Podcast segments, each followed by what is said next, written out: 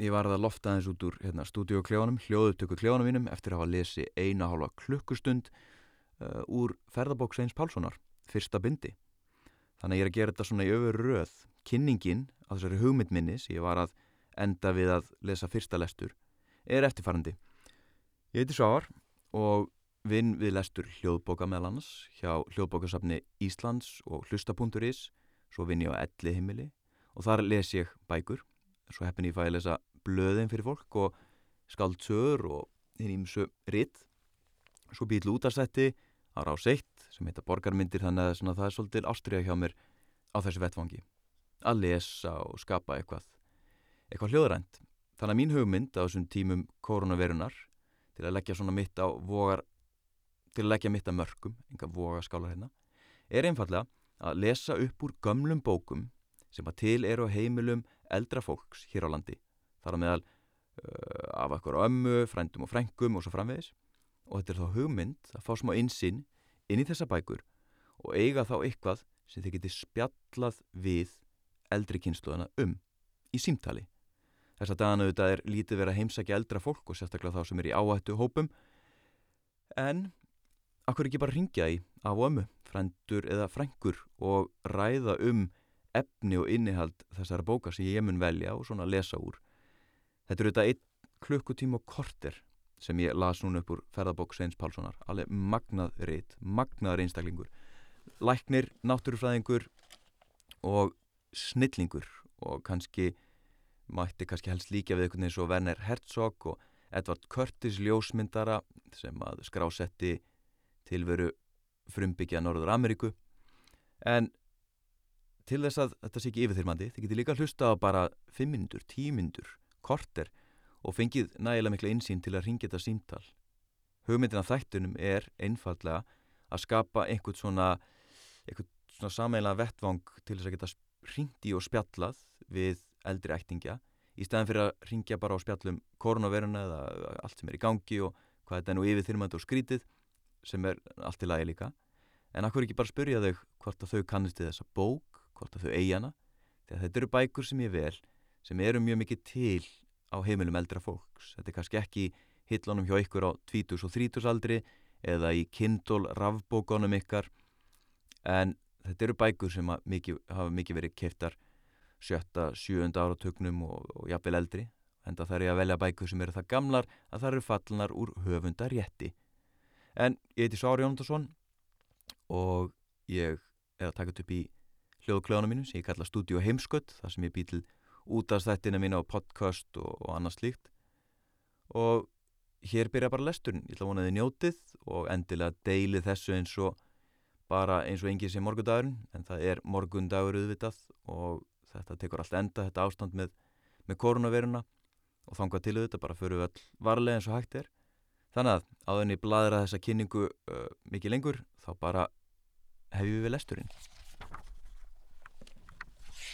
Æja þá, áðurinn ég hef þennan lestur þá kannski best að eh, fara aðeins yfir hvert tilöfnið þessar Íslandsferðar Sveins Pálssonar var. Hann fór frá Kaupmannab annan júli 1791 og þetta var rannsóknarferð sem var kostuð af Natúrhistoriska selskapet eða Náttúrufræðifélaginu í Kaupmannab og þetta er uh, einstökferð og þetta er einstakt rannsóknarverkefni og kannski sérstaklega sögum þess að það var svo yfir þyrmandi, kröfunna svo hann gerðar á hann um það hvað hann átt að sapna og, og síni sem hann átt að senda tilbaka að oft, já þegar ég hugsa um Svein Pálsson og hans afreg þá hugsa ég oft um einstaklinga eins og Werner Herzog í gerðsinn á myndinni Fitzgeraldo og ljósmyndaran Edward Curtis kallaði Shadowcatcher sem að dokumentaði með ljósmyndum eh, frumbyggja Norður Ameríku sem sagt, það sem við kallum svona Indiána ættbálka eh, Víðan Bandaríkin gaf út 30, 30 bækur hverjum svona ákveði landsvæði eða,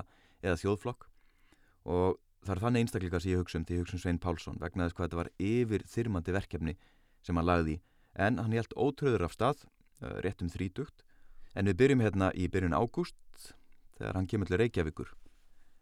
Ágúst mánuður hinn annan ágúst varpuðum við akkerum á Reykjavíkur höfn klukkan fjögur á morgunni í bestu velgengni. Engin ókunnur trúir því hversu dýrlega all náttúran blasti við okkur Lálendið var sveipað lokn þóku sem laði svo frá hinnum dögg votu fjallahlýðum að sólinn, sem var nýkomin upp, náða varpa á þær geyslum sínum og strá þær perlum sem endur spekluðust skýrt og ljóslifandi frá speilsléttum sjónum.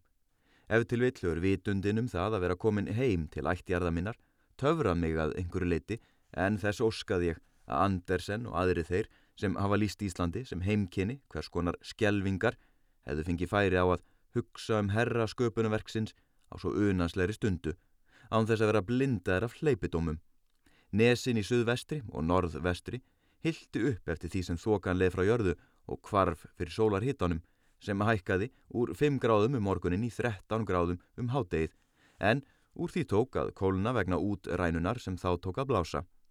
Ég eiti deginum í heimsóknir til vina minna í Viðei og Reykjavík og um kveldið fór ég út að Nesi þar sem ég ætla hafa vetur setuð að mestu samkvæmt hinnu góða bóði Jóns Sveinssonar landlæknis. 25. ágúst Setni part dagsins fór ég norður yfir kvítá að Ölvalds stöðum í Mýrasíslu. Vega lengdin er nálat 1,5 mílu en leiðin liggur yfir þau hróðalustu fenu og forræði sem ég hef séð. Ég fór þetta bæði eftir beðinni Ólafs stift amtmanns og samkvæmt þeim fyrirmælum erindisbrefs míns að kynna mér sjúkdóma sem fyrir kæmu til að rannsaka bannvanan sjúkdóm sem komið það upp fyrir skemstu á bæ þessum og að þið drepi fimm manns á halvu mánuði. Nokkuru áður hafðu borist fregnir um bráða og mannskæðasótt vestur í Helgafellsveit að því er hermt var. Veiktust menn með áköfi taki í lungum og á nálat mánadar tíma dói yfir hundra manns þar í sveitinni, flestur á þriðja eða fjórða degi eftir að þeir veiktust. Þá var einmitt sagt að eftir andlátið reynir blóð úr líkonum. Þegar þetta barst mér til eirina, datt mér þegar í stað í hug hvort hér væri eigi um mislinga að ræða sem borist hefði frá kaupmanöfn. Þegar fréttir bárust um sömu sjúkdómsenkenni á ölvaldstöðum vaknaði forvitni mín að nýju. Þegar ég kom á bæinn hitti ég þar fjóra menn sem voru í afturbata. Báru þeir allir glögg merki mislinga sem borist höfðu frá kaupmanöfn. Um það sannferðist ég þegar ég heyrði að bondin Runólur að nafni og annar maður úr nágrenninu höfðu dvalist nokkrar nætur út í skipi Einars Þórólssonar lausakaupmanns. Á skipinu var háseti Jónanafni sem leið hafði í mislingum og verið sjúklingur minn í Kaupmannöfn í apríl síðastlinum. Þessir tveir áður nefndu menn hafði haldið sér mest að þessum landa sínum og fengið lánuð fött á honum, því að kallt var í veðri. Fötinn tók hann upp úr kistu sinni og þar hafa þau sennilega verið látin óhreinsuð. Báðir mennir síktust mjög bráðlega, annar dó en hinn hjælt lífi. En má geta þess að, sagt er, maður á þessu sama skipi hafi dáið úr mislingum og verið grafin á Akranessi. Áður nefndir í batasjúklingar voru eitt hálfullorinn piltur, bjarnaði nafni, hann veiktist að sög með höfuverk og köldur hrolli. Skömmu síðar fekk hann ákaft tak, plöris, í vinstri síðu. Þar á eftir fylgdi hósti með miklum uppgangi, engum á nóttinni. Hann lá í viku en hafi nú verið fimm eða sex daga á flakki. Á honum sást enn greinleir rauðbrúnir flekkir í andliti. Auk þess var hann með hósta og mjög hás. Tvær stúlkur á fymtugsaldri sem voru komnar á fætur fyrir tveimur dögum þjáðust af andþrengslum hósta og hæsi. Önnur þeirra var með riðu á höfði og mjög ókýr augu. Ég tók þeim báðum blóð og virtist sem þeim léttið þegar við það. Fjögura ára gammalt barn hafi leið í halvan mánuð þjáningalöst og engin útsláttur sérst. Nú var það aðeins listarlöst og þóldi ítla á því var í snert. Þrýr þeirra er létust þjáðust af mjög ákafri taksótt 2-4 daga áður en þeir önduðust. Fjóruði þeirra, sem var kona, veiktist fyrst af þingslum og listaleysi, síðar fekk hún höfuverk og sáransting til skiptis undir síðurnar. Að fjórun til fimm dögum liðnum komu flekkir á háls og brjóst en þeim sló inn og lest hún síðar á tíunda degi. Hinn 24. september átti ég tal við gáaðan mann, Pál Jónsson, klusturhaldara í Gufunissi. Hann saði mér meðal annars að sömari fyrir eldgósi á síðumann afrétti 1783 og eins fyrir síðasta köllugós hafið þar í nær sveitónu sérst skortýr af fyririldatægi stærri en hinn vennlegu kaupmannsfyrildi fal olearakæ ell voru þau með kilvulega falmurum gul, hvít og rauð flekkátt á lit vangirnir að aftanverðu voru líkt og ringskortnir af skýrslu Hannesa Biskup sem heklugósið 1766 ásand fleira kemur í ljósað oftar hafa sérst óvanlega skortir á Íslandi á undan og um elds uppkomu. Pall Klusturhaldari saði mér einni frá lirfum sem væri svartláðunar að baki og með nokkrum rauðum deplum að ofanverðu rétt fyrir aftan höfuðið. Lirfur þessar hvaðu vera mjög sjald séðar. Ætli þessu geti verið svo háttað að hitin sem breyðist út frá jarðeldinum sé þess megnuður að veita viðkomum, skortýrum, skilirði til vakstar en þau degi út endranær nema örfa á reynstaklingar sem haldi tegundinni við en eru svo sjálfgefir að þeir sjást ekki nema af hendingu eða þegar þeim fjölgar óvanalega. Þá var mér einnig skýrt frá ormum sem sérst hefði á þvotti er þvegin var í Dalsá í Skagaferði. Þeir voru litlu stærri en títuprjónshaus, aflangir og með rauðum og hvítum röndum eftir endulungu bakinu. Ormar þessir stukku líkt og flær. Ég dvaldist í viðei til mánadarmótana og varði tímanum aðalega til að skoða strandlengju hinnar fögru eigjar og semja steinafræði lýsingu hennar. Lýsingu þessa geimi ég, þanga til henni er að fullu lokið.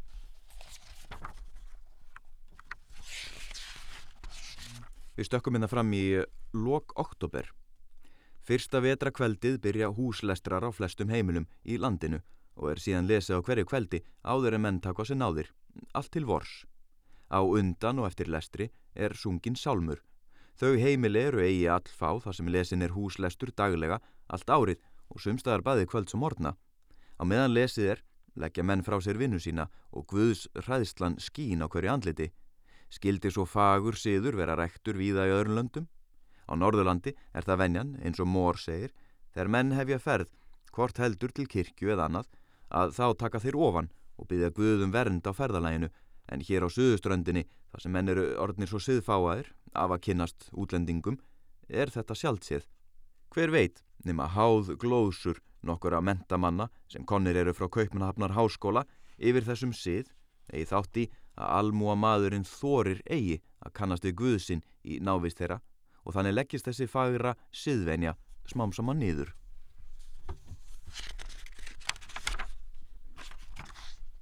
Hinn 22. oktober hefði ég í fyrsta sinn til Alta hér á Lampúsa tjörn.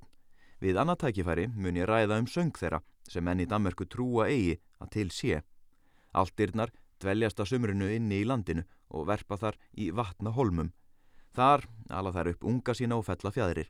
Um þetta leiti árs fljúa þær í stórhópum til Suðurlandsins þar sem þær dveljast mestan hluta vetrarins á sjávar, vógum og víkum meðan þar leggur ekki. Hinn 2003. fór ég aftur að Bessastöðum og var þar til hins 2009.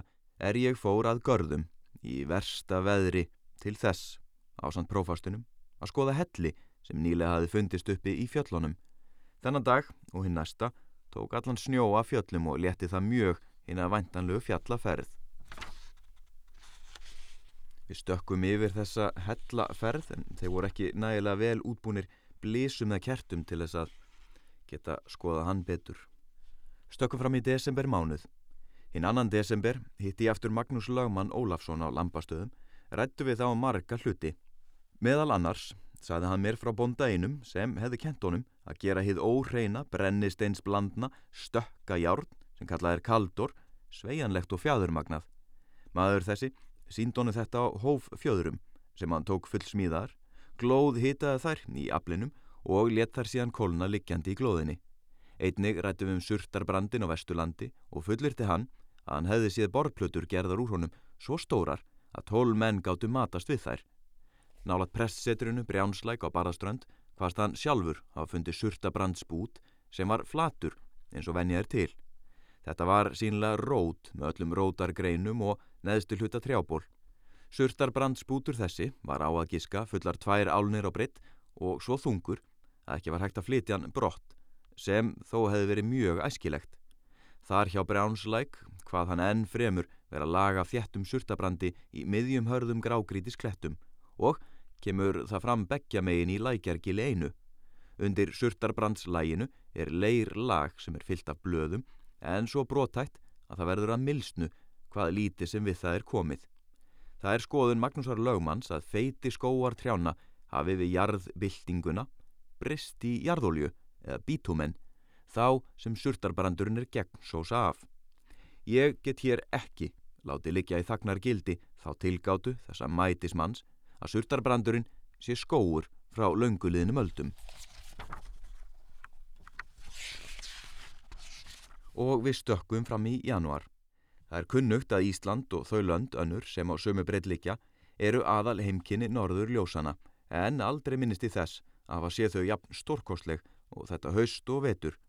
Oftast voru þau boga mynduð en sjaldan geyslalaga. Þau voru venjulegast, skærust í söðri og þar byrjuðu þau. Stefna ljósbogana, vöxtur þeirra og þverran var svo breytilegt að enga reglu var und að finna þar um. Aldrei varð vart við nokkur þitt, trublun segulnálar eða snjókomi í sambandi við norrljósin. Það kemur sjaldan fyrir hér að þau hverfi yfir í skíiða þykni. Oftast nær eru þau norðurljós skærust sem í hláku brjótast í gegnum þykustu skíaflókana. Aldrei eru norðurljós eins mikilega skær um tunglfeillingu og um tunglkomu. Annars þarf lengri og nákvæmar aðtuganir en tími minn og kringum stæður lefðu til þess að geta dreyið nokkrar álíktanir um efni norðurljósana, áhrif þeirra á veðrið og svo framvegis. Það er annars fullirt að norðurljós séu nú meiri og skærari en fyrrum en önnur ljós fyrir bæri loftsins, svo sem ulvar og gílar, drager, víga nettir og svo framvegis, miklu sjálfgjafari og virðist það rétt aðtugað. Eitt af því sem heitla mig við hann Svein er náttúrulega bara þessi aðteklis gáfans. Hann minnir mér svolítið á Eirík frá Brúnum í svona skrásetningu á því sem er í kringu þá. En þetta, hann er bara svo mikill náttúrufræðingur og snillingur að það er bara einstakt. Hann varði læknir, hann var í læknisnámi þótt hann hafi unnið þetta starf sem náttúrufræðingur og varð sér læknir í Mýrdalnum og átti alveg gríðala stort svæði sem hann sá um. Hann var fátakur alla tíð og hafði aldrei kosta á að sinna þessu hugðarefni sínu sem var náttúrufræðin eins og hann kannski dreymdum. Þetta er hans Magnus, Magnum Opus, þetta verk, ferðabók Sveins Pálssonar. Við stökkum áfram og förum fram í apríl mánuð. Í byrjun mánuðarins kom allmikil fiskganga fyrir Garðskaga í fylg með kópsíld og kanser homaroides sem mór nefni svo, en slíkar göngur telja landsmenn vera allra ótryggastar. Gangan gekk inn í Njarðvík og þeir sem hafðu nett veittu nokkuð en brátt kvarfún og halda menn að hún hafi farið vestur undur jökul en þaðan hafa borist fregnir um góðan afla. Á sviðinu sem er lengra úti í faksaflóa, djúft undan hafnafyrði, varð þessara fiskigöngu lítið eitt vart og aflaðist þar dálítið nett en næstum ekkert á handfæri. Það eru því nokkri hygnir sjómenn sem halda því fram að afli myndi hafa orðið sæmilur ef menn hefði haft net hér inn í flóanum af því að fiskur sá sem hér hefur viðst á öngul er að mestuleiti eins og netafiskur. Það er, hann er ofeitur til þess að hann taki venjulega beitu. Ef til vill öfluðu menn betur hér ef þeir nótuðu öngla með tinsíld á eða að minnstakosti bjarta öngla eins og sagt er að menn nota Östurlandi beitu lausa Sagt er að mókabli sá sem frá er skýrt að við marsmánuð haldist enn við ströndina fyrir austan Reykjanes og í Vestmannum. Það er mun léttar að sækja sjóin þegar geftir eru því að menn veiða fiskin upp undir landsteinum að 8-10 faðma típi. Það er því kleift að hlaða fjórusinnum eða jafnvel oftar á dag. En aflið þessi hefur þó kostað nokkur mannslíf. Þannig fórst 6 manna fari í Selvogi og 10 manna fari í Grindavík 19. apríl og tvö skip jafn stóri í sömu verstöð hinn 2001. Hafa því alls 36 manns farist. Af veður dagbókinni sést að ekkert skadræðis veður var þessa daga en jafn skjótt og nokkuð blæs úr söðri eða vestri á þessum slóðum brimar þar óurlega þótt vindur sér hægur. Það er því ekki á annar að færi en dugmikill á þölkunnura formana að stýra gegnum sundin millir skerjana ef bát og mönnum á að vera borgið. Hinn 12. mæ og þar á eftir tóku æðafugls hjón að vappa um eina. Þau voru þó enn fá, fóru strjált og voru óvanlega stygg sem ekki var undra þar sem þau voru enn ekki farin að verpa.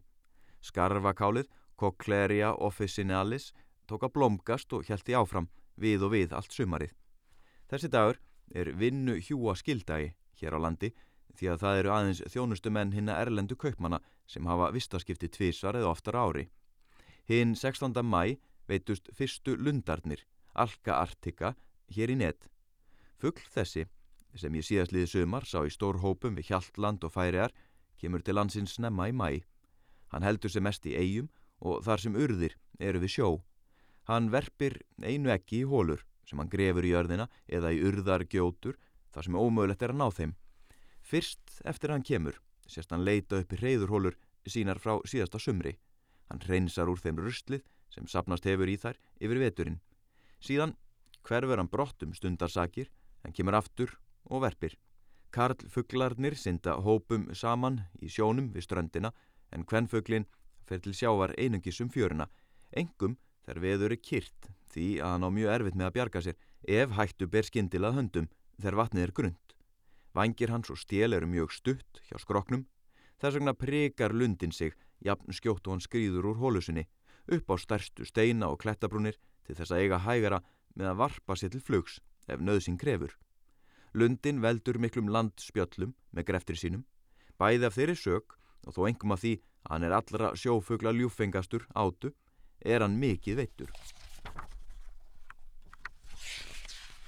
19. júni Síðasta eggjaleitinni viði.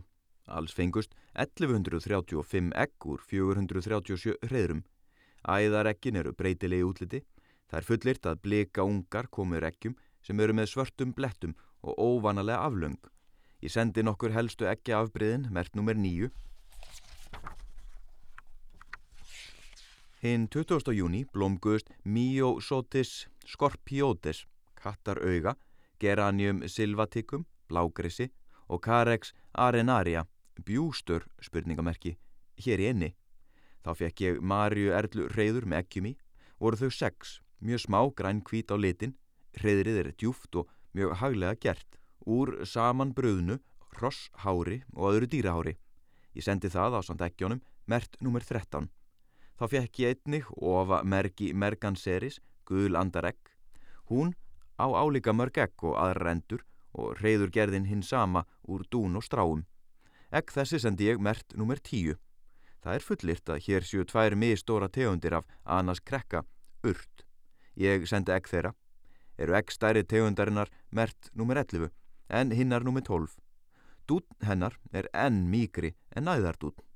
Annars varði ég deginum til að gera meðfylgjandi riss af viðei og semja jarfræði lýsingu vestur eigarnar frá stekkjarhól að nöstabrekku. Þessi hluta eigarnar er, eins og norðuströndin, frá sundbakka, gerður úr loðuréttum stuðlabergsklettum og finnast þrjú afbriði í þeim. Og við stökkum fram í ágúst. Að morgni hins 9. ágúst komum við í áfangastæðin í Húsafells skói, sem liggur efst í borgarfyrði að sunnaverðu. Hann heyri til prestseturinu Húsafelli. Allvíða eru þar leifar af góðum byrkiskói eftir því sem um er að gera hér á landi, en hann eigðist með hverja árunu sem líður. Hér dvaldist okkur í þrjá daga sem við vörðum bæði til bríafaskrifta til Suðurlands og til að gera reyðskap og öðrum fara búnaði. Ég hafði mikla ánægu að var ræða við hinn ágæta öldung síra Snorra Björnsson á húsafelli. Hann er af alþýðu manna talinn ramgöldróttur og trúa menn því að hann geti vakið upp drauga, láti kölska sjálfan þjóna sér og fleira þessartar. Orðrómur þessi hefur skapast af því að síra Snorri er óvanalega vel að sér í eðlisfræði, landafræði og sögu. Þessi virðulegi og sérstaklega gest Rissni Klerkur frætti mig um marga merkilega hluti og aðtuganir frá vestfjörðum þar sem hann var prestur fyrir löngu síðan. Meðal annars saða mig frá því að í fjallinu frá hann húsafell var ímsar kvars og kristaltegundir og einni var þar kvítur, blár og rauður leir. En nánari lýsing þess býður borgarfjarðar lýsingar.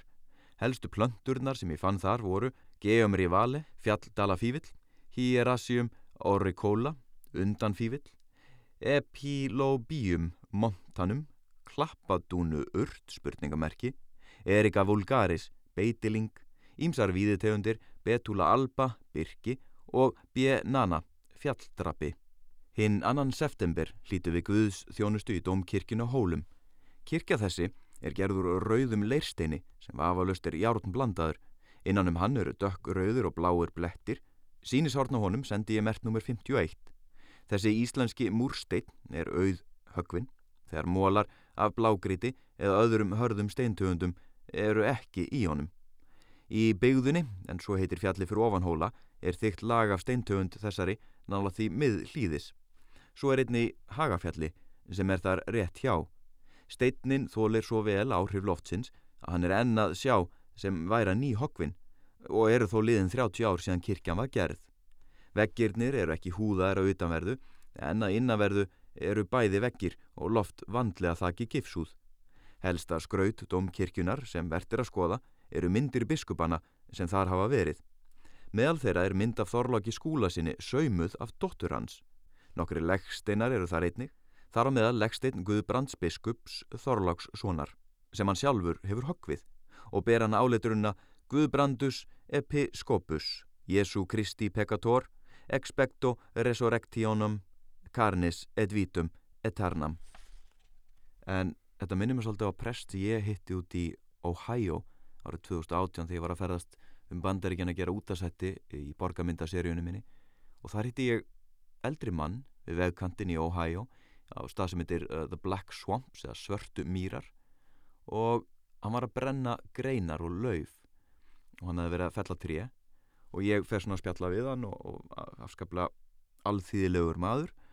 Og hann sínir mér að hann síndi mér líkistuna sína þannig að maðurinn, presturinn var búin að smíða líkistunum sína en konun hans var svo illa við tilöksunum um andlátt hans að hann þurfti að fela hana nýri kjallara en við stökkum fram til dagana frá fjórða til 7. september dvöldumst við í Kolbensdal sakir votviðra hjá skólamestorunum á Hólum, Páli Hjalmarsinni.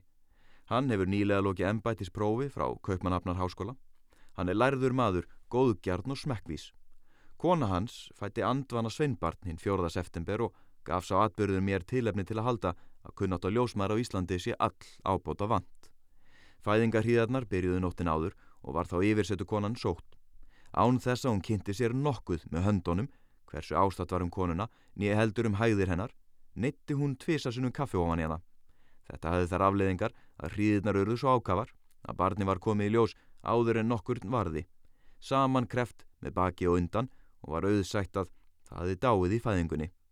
Konan var svo þjáða þessu að hríðirnar kom ekki aftur fyrir en daginn eftir, en þó svo vægar að fylgjan kom ekki fyrir en ljósmóðurinn fjækst til að nota stólpípu kom fylgjan þá þegar í stað eftir að sængur konan hafi sofið um halva klukkustund. Því verður eigi neitað að slíkt ástand er ábyrða hluti bæði fyrir klerkdómin og fjörðungslæknin. Til allrar hamingju eru atbyrðir að þessu tægi sjálfgjafir á Íslandi því að flestar sveitakonur fæða börn sín mjög greðilega og án nokkur að umsvifa.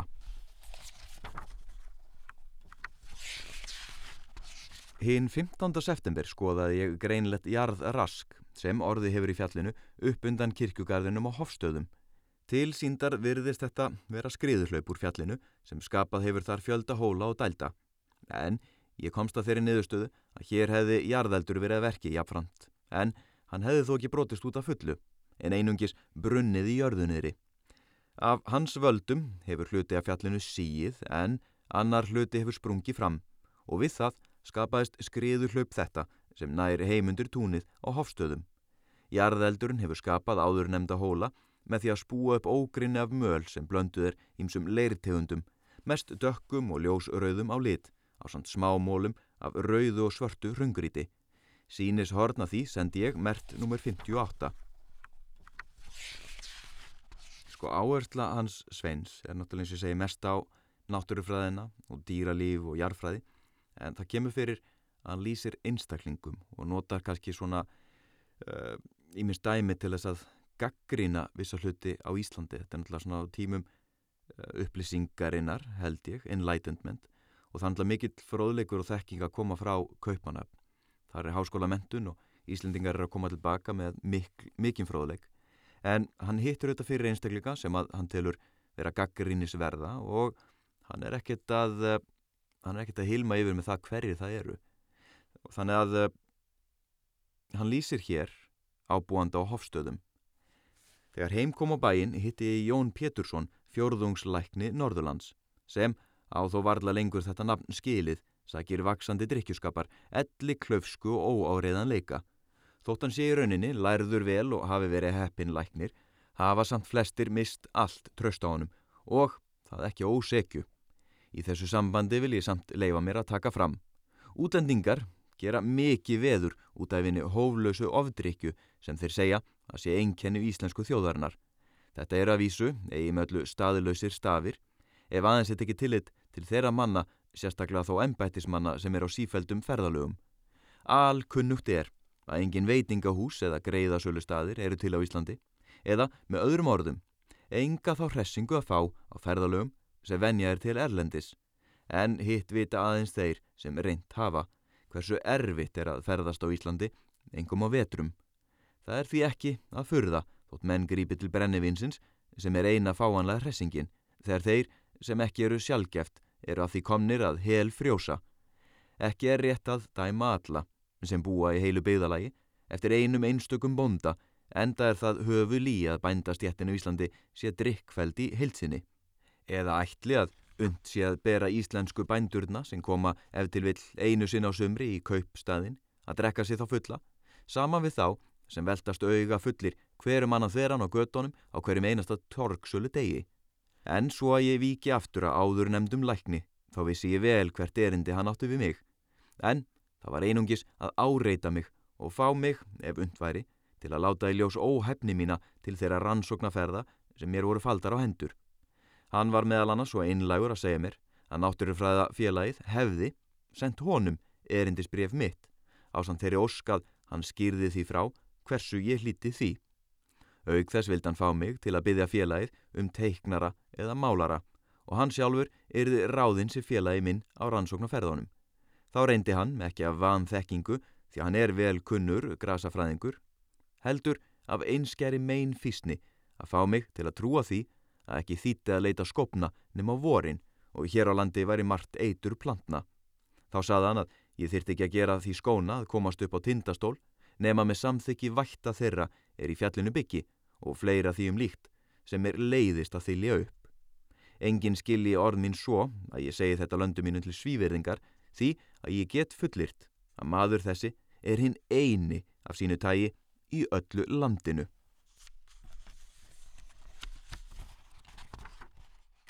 Eftir að hafa hlýtt Guðs þjónustu í Víði mér að kirkju sunnudaginn 30. september kvöttu við hinn fagra skagafjörð og löðum upp á Vaskarð.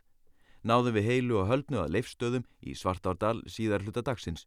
Menn förðuðu sér þar á fíbldirsku okkar að ætla að leggja á svo langan fjallveg er svo var áliðið sumars.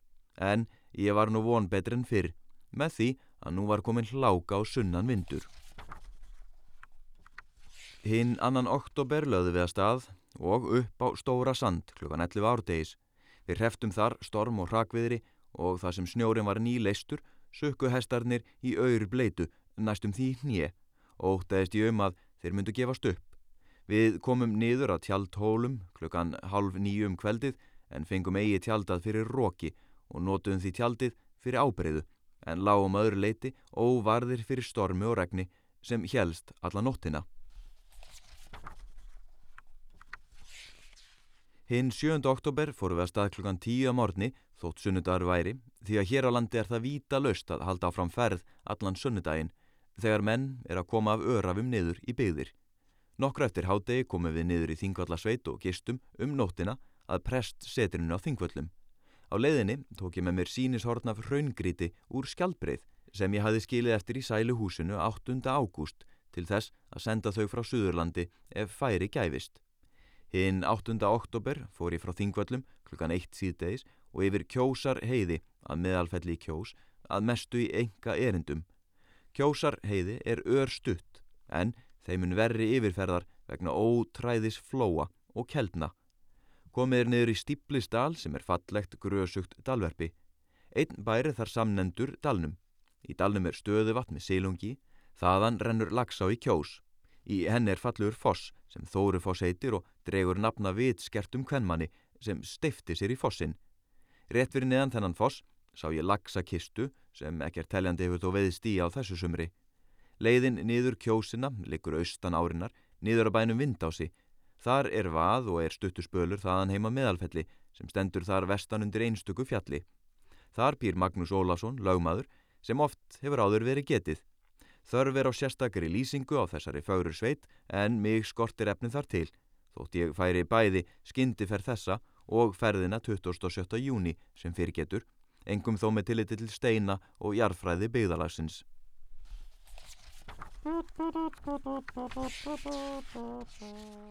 Ferðabók Sveins Pálssonar næru náttúrulega yfir meirin eitt ár þannig að hann dvelur á Íslandi yfir vetur og hérna er svona millikapliða sem útlistar í ástandið uh, um miðan vetur hann er fáin smá yfir sín frá því er áður sagt að Sveit Pálsson sati við þeim veturinn 1792 til 1793 og reyt hann þar lýsingu Hegranes síslu sumar eftir ferðast hann um Suðurland og Skaftafellsíslur báðar hafði hann ráðgert að halda síðan áfram norður um land til Akureyrar og hafa þar vetur setu en raunin varð svo að hann komst ekki lengra enn í Hortnafjörð og allir því atvik er hann réð ekki við. Síð gróið var um vorið og hestar hóraðir. Komst Sveitn því eigi af stað fyrir undir Jónsmessu nema hvað hann skrapp upp í kjósum miðjan mæ. Í 19. júni hjælt hann austur um helliseiði að reykjum í Ölfusi að skoða hverina þar. Síðan fór hann yfir Ölfus á hjá Arnarbæli, um Eirabakka og Stokkseri að Gölverjabæ, þaðan yfir Þjórsá hjá Egilstöðum og komað hlýðarenda 24. júni. Þar hafði hann bækistöð og fór næstu daga smá ferður um nágrennið, út af móeðar kvóli og yfir að stóra dímon. Hinn 8. júli hó Sveitn aðra aðalferð sína þetta sumar og var henni heitið til geysis og þingvalla. Hjælt hann út um Rángarvelli og Landsveit yfir Þjórsá hjá Þjórsárholti, síðan út Reppa yfir Kvítá hjá Íðu og að Skálholti. Þaðan fór hann upp að geysi, rannsakaði hann og strokk rækilega en hjælt síðan um Laugardal til Þingvalla.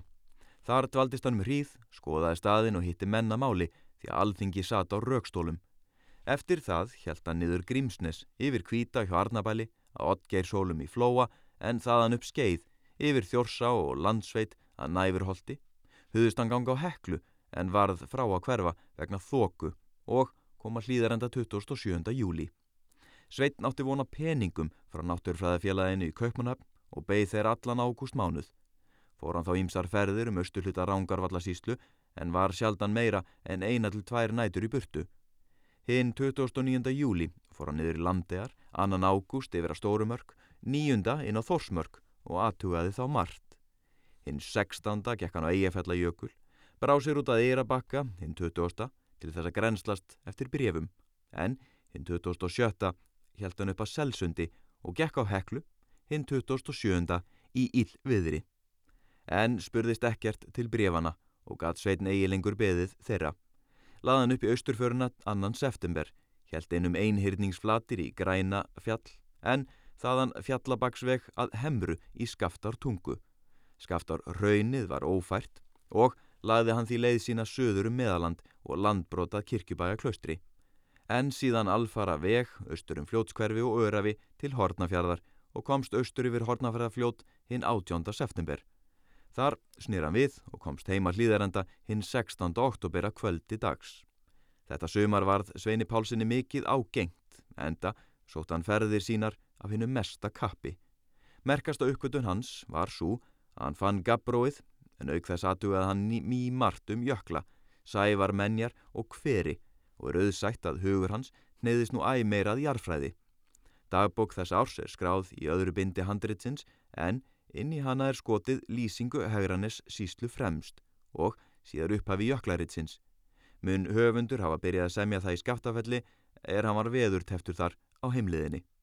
Pálmi Hannesson Við erum komið fram í 1793 í mæmániði en þessi frásög sem að hérna fylgir hún kannski svona undistrykka það að hann er ekkit beint að uh, afmarka vola mikið þessa rannsóknarferð við eitthvað eitt hann fer uh, yfir mjög ólík fræðasvið þannig hérna er læknirinn náttúrufræðingur sem nær yfir jarfræði og grasafræði og mannlíf og sjúkdóma og eiginlega bara inn í réttarkerfið. Því mæmániði, segir hann, um þetta leiti gerðist alvarlegur atbyrður á Suðurnisjum, vestasta hluta gull bringu síslu. Prestur staðarins kæri það á manntalsþingi sem haldi var í þennan mund að fátækur sveitalimur hafi nýlega dáið vegna þeirra raklegu meðferðar er nú skal greina. Barnið, sem er átt ára drengur, veiklulegur, lúsugur og með kláða, er sett niður í heitt keitubað, en fellur þar í yfirlið og er þegar örend. Presturinn sakar konunum það að hafa brent drengin til dauða, neytar að jarðan fyrir en líkið hefur verið kröfið af hæfum manni. Síslumæðurinn kemur þegar til, skoðar barni og finnur á því hér og þar blöðrur, bæði stórar og smáar. Pungurinn, skrótum, var mjög rauður og bólkin og svo framvegis. Landlæknir fyrir skipar, en fremur lík skoðun, pró og fysjó, en hálfur mánuði líður, meðal annars vegna óveðurs, áður hann kemst á staðin, en þá sést ekkit framar á líkinu. Og því er líst yfir að sárin sem eru mest á fótum og lærum hafi komið löngu áður en barni dóa vondum vessum og yllri hyrðingu. Konan er síknuð á ákjæru prestsins, barni jarðað og engin minnist framar á þetta mál. Við erum komið fram í júnimánuð. Hinn 19. júni lagði ég því af stað frá viðei, sent á degi og hjælt frá gufunissi upp á fjallvegin helliseiði um lágar brekkur, grónar lingi, kærri og grasi en millir þeirra eru arg, vítug, ótræði uns komiður upp fyrir liklafell. Þar verður fyrir eldgamalt raun sem á sér upptök á hellis heiði. Skömmu áður, en komið er að fjallinu, sést lítill kofi, hlaðin úr raungrjóti en með torfþakki. Hann er ætlaður þeim sem ferðast þarna á vetra degi og kallast sælu hús.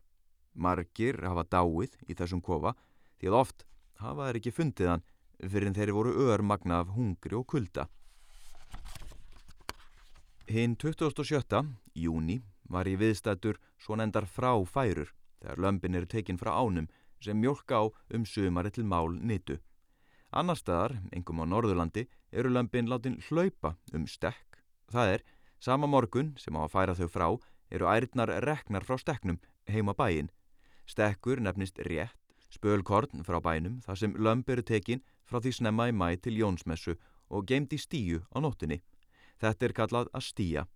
Svo er lömbánum sleft út úr stíunni og hlaupa þau allan daginn kringum stekkin með stöðu í armi og leitað maðurum sínum út um hagan þar sem þær hafa haldið sig á daginn. En ærnar eru reknar langt í burtu og þar er þeirra gætti í nokkra daga. Þetta er nefnt að sitja fjö. Lömpin eru látin inn næsta kvöld.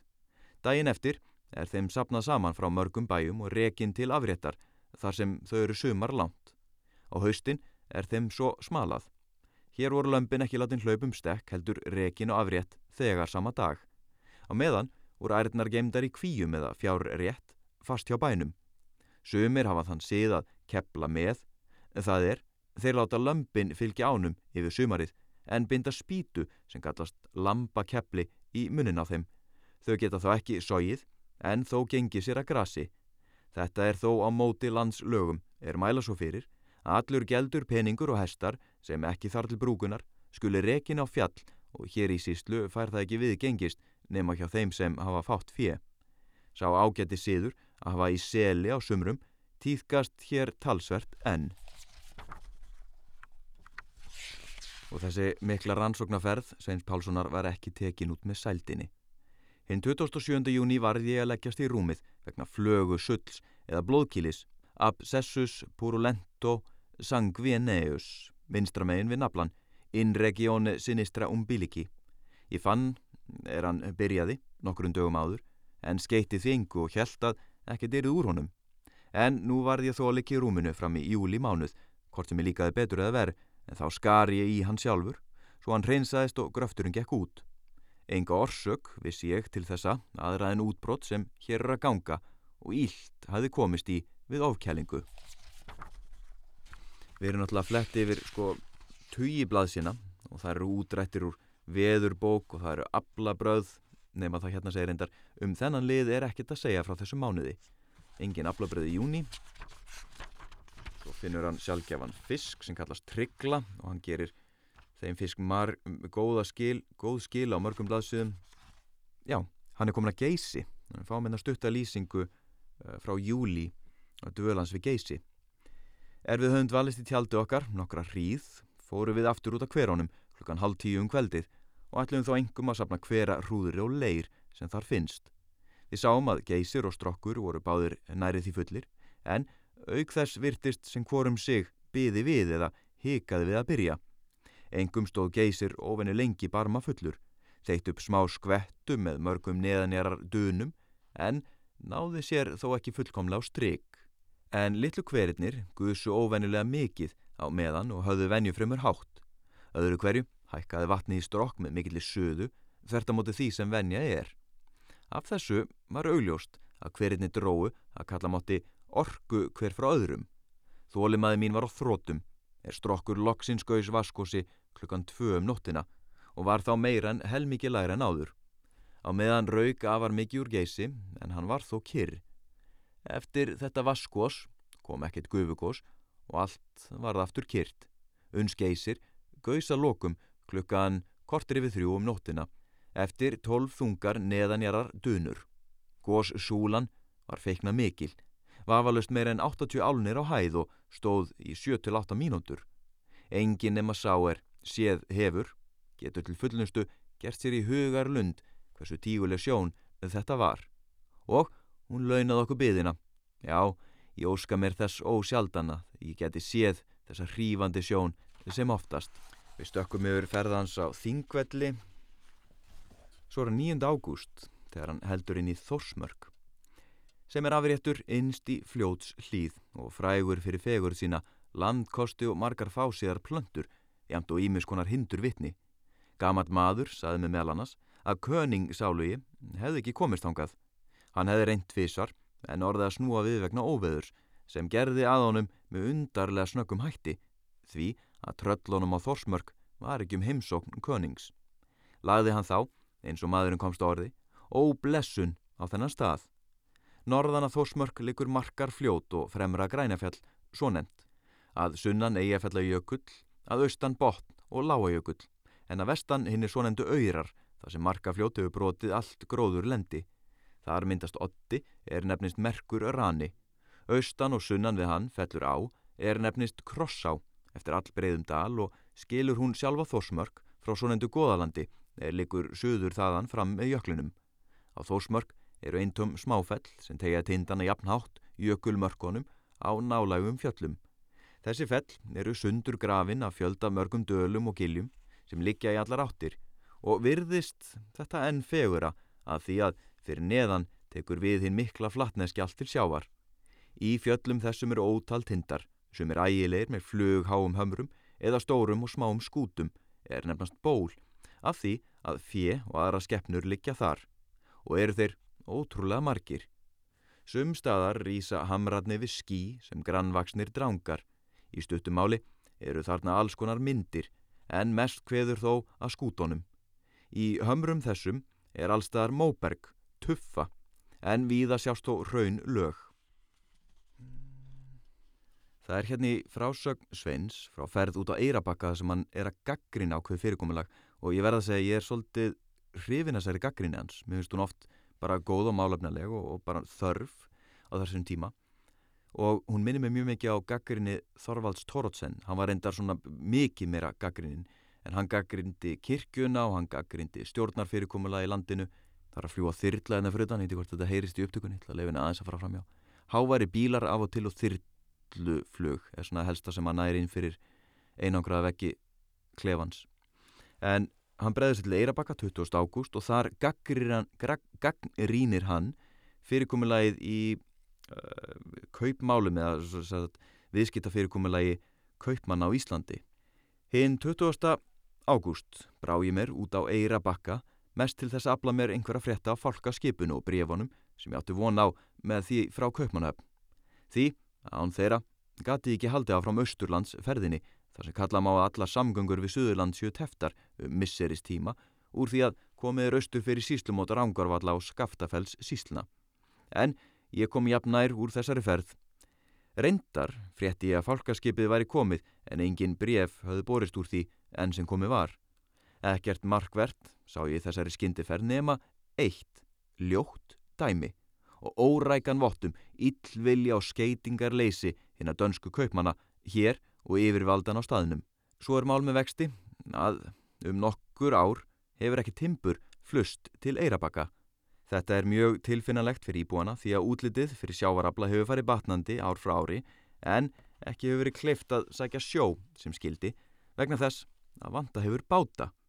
En jáfnframt grotna kirkjur og bændabili niður eins og nærim á geta Nú bar svo við að timburskip kom til Eirabakka og hefði þá átt að skipta timburinu skinsamlega millir þeirra sem mest þurftu þess við. En í þess stað var mest allur farmurinn seldur fáinu mönnum, hinnum ríkustu. Sagt er að svo langt hafi þetta gengið að einn maður hafi fengið trjáfið fyrir 300 ríkistali, bersínlega í þeim tilgangi að prángunum út lannara. Sýnir þetta hver vel er haldinn tilskipun svo sem nýlega var gefin út um þess efni. En hitt meg allir skilja hversu þægilegt það sé fyrir menn sem komnir eru í kaupstæðin ef til vill 12 til 14 mílur vegar til þess að kaupa timbur en fá svo enga úrlaust. Ég er áttam á því þegar að flettin í gegn og ég er að sjá alla svona post-it miðana sem ég er búin að setja við uh, kapla sem er langað að lesa úr. Þetta er, þetta er svona alltaf mikið, ég er komin upp í klukkutíma held ég. Ef það er einhver ennþá að hlusta þá bara Hæ, gaman að þið séu þetta hérna með mér. En það er solmyrkvi á blasið 261, solmyrkvi í september mánuði. Solmyrkvin sem varð þennan dag kom í fegurst og bjartasta veðri og dró álíka mikið úr dagsljósunu og tíðum verður þegar neðsti hluti loftsins er hlaðin fíngerðum bláleitum eimi, nokkur fyrir sólalag á heitum, björtum sumar degi. Ég efast engan vegin um að skínlösa skeppnundnar finni þess aftar fyrirbriði sem þær eru óvanar. Hestarnir mínir sem voru á haga nála tjaldinu hættu með öll að býta meðan myrkrið var mest. En í þess stað stóðu þeir og hýmdu á meðan eða lötruð aftur og fram án þess að grýpa niður. Jafnvel smáfuglarnir sem höfðu kvaka allan morgunin eins og þeir voru vanir í klettónu þarni kring stein þögnuðu þegar er skeiði en tóku aftur til um leið og byrti. En ekki veit ég hvort aðrir hafa orðið varið við slíka þögn þegar líkt stóð á en þannig virtist mér þetta. Hmm. Er ég, ég ætla að fara að enda þetta. Hann er á austurferð, á austurleið Eh, það er hornafjörðarferðin hans. Og ég ætla bara að grípa þetta niður í dvöl hans í skaftafelli. Og þá ætlum við bara að segja svo lokið eftir þetta. Ég hvet alltaf til að kynna, kynna einhver frekar. Skrif Sveins Pálssonar ringi af og ömmu, frændur eða frængur kannski einhvern sem býr út á landi var líka áhört að fá smá einsýn en ferðabók Sveins Pálssonar var bókin sem að við vorum að glugga í í þessum fyrsta lestri. Hvort sem þetta verði sí, fyrstu og síðasti skulum bara sjá til.